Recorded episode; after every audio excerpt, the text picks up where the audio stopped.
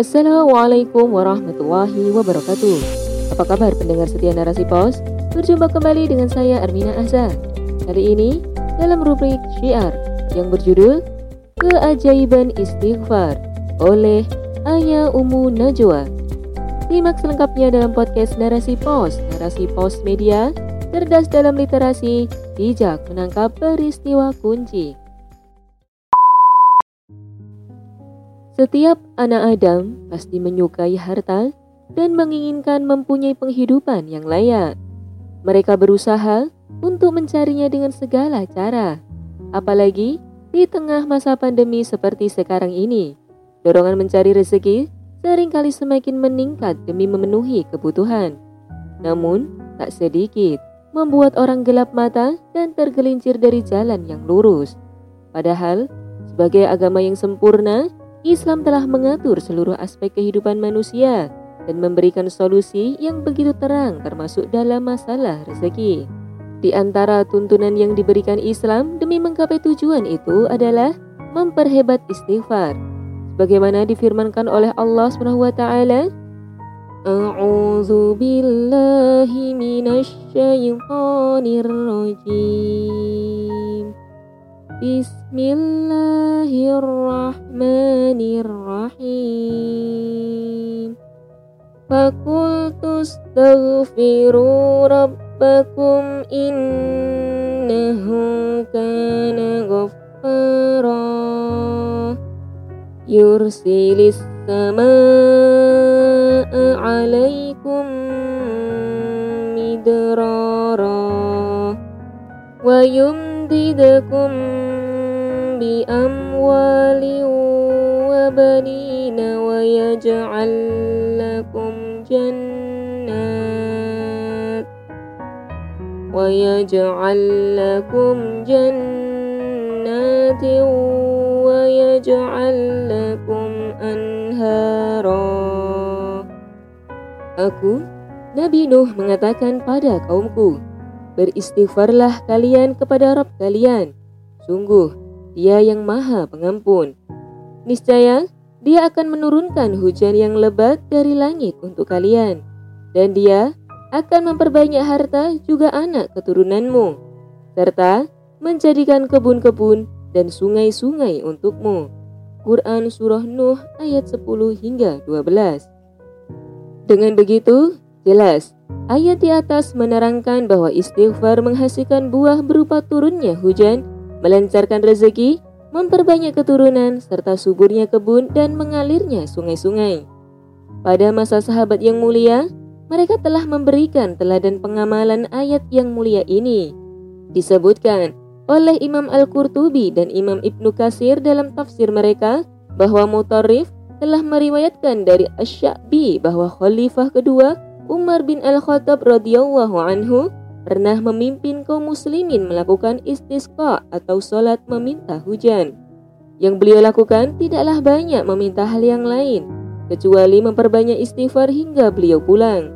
Kemudian, datanglah seseorang yang bertanya kepadanya, Kami tidak mendengar Anda meminta hujan kepada Allah. Dia pun menjawab, Aku telah meminta hujan kepada Allah dengan menggunakan kunci-kunci pengendali langit, yang dengannya hujan akan diturunkan. Kemudian beliau membaca firman Allah surah Nuh ayat 10 hingga 12 di atas. Dalam tafsir Al-Qurtubi pun mengisahkan teladan pada masa tabi'in bahwa suatu saat ada orang yang mengadu kepada Imam Al-Hasan Al-Basri tentang lamanya masa paceklik. Maka sang imam pun berkata, beristighfarlah kepada Allah. Kemudian datang seorang lagi yang mengadu tentang kemiskinan yang menderanya. Beliau pun memberi jalan keluar beristighfarlah kepada Allah. Dan terakhir, ada yang meminta supaya didoakan segera mempunyai anak, maka Imam Al-Hasan pun menimpali, beristighfarlah kepada Allah. Arabi bin Sabi yang juga hadir dalam majelis tersebut pun bertanya, Mengapa engkau menyuruh mereka semua untuk beristighfar dalam setiap permasalahan mereka masing-masing? Mendengar hal itu, Al-Hasan Al-Basri pun menjawab, Aku tidak menyampaikan hal itu berdasarkan dari diriku sendiri. Akan tetapi, sungguh Allah telah berfirman dalam surah Nuh. Aku, Nabi Nuh, mengajak mereka kaumku. minta ampunlah kepada Rob kalian. Sungguh, dia maha pengampun. Niscaya, dia akan menurunkan hujan yang lebat dari langit untuk kalian. Dan dia akan memperbanyak harta juga anak keturunanmu, serta mengadakan kebun-kebun dan sungai-sungai untukmu. Dalam hadis riwayat Imam Ahmad yang dinilai sahih oleh Al-Hakim dan Ahmad Syakir, Rasulullah Shallallahu Alaihi Wasallam pun menunjukkan bahwa memperbanyak istighfar adalah salah satu kunci rezeki. Siapa saja yang memperbanyak istighfar, niscaya Allah akan memberikan solusi bagi setiap kesusahannya, kelapangan dalam setiap kesempitannya, dan rezeki dari arah yang tidak terduga. Istighfar merupakan aktivitas memohon ampun kepada Allah SWT dengan kalimat Astaghfirullahalazim atau dengan kalimat lain yang serupa maknanya. Permohonan ampun ini harus dilakukan dengan hati yang tulus dan ikhlas, serta diiringi dengan penyesalan atas kesalahan dan dosa yang telah dilakukan. Juga disertai tekad yang sungguh-sungguh untuk tidak mengulanginya di masa depan. Istighfar selain dapat mendatangkan ampunan dari Allah seperti yang disampaikan oleh ayat 10 surah Nuh di atas, juga dapat mendatangkan banyak sekali kebaikan untuk manusia. Di antaranya, yang pertama, mengatasi kesulitan dan terbukanya pintu rezeki. Sebagaimana yang disampaikan oleh Rasulullah dalam sebuah hadis riwayat Imam Abu Dawud, siapa saja yang beristighfar secara rutin, niscaya Allah akan memberinya jalan keluar dalam setiap kesempitan dan memberi rezeki yang tiada terhingga padanya. Yang kedua, menambah kekuatan. Hal ini sesuai dengan firman Allah dalam surah Hud ayat 52. Dan dia Hud berkata kepada kaumnya, Wahai kaumku, mintalah ampun kepada Rabbmu dan bertobatlah kepadanya. Niscaya dia akan menurunkan hujan yang lebat dan dia akan menambahkan kekuatan di atas kekuatan kalian. Yang ketiga, memperoleh banyak kenikmatan. Dalam ayat lain di awal surah Hud yaitu ayat 3, Allah berfirman, dan hendaklah kamu memohon ampunan Rabbmu dengan bertaubat kepadanya. Niscaya dia akan mencurahkan kenikmatan yang baik kepadamu hingga waktu yang telah ditetapkan. Keempat, turunnya rahmat. Dalam surah An-Naml ayat 46, Allah telah menyampaikan, Hendaklah kalian memohon ampunan kepada Allah supaya kalian mendapat rahmat. Kemudian yang kelima, sebagai kafaratul atau tebusan majelis.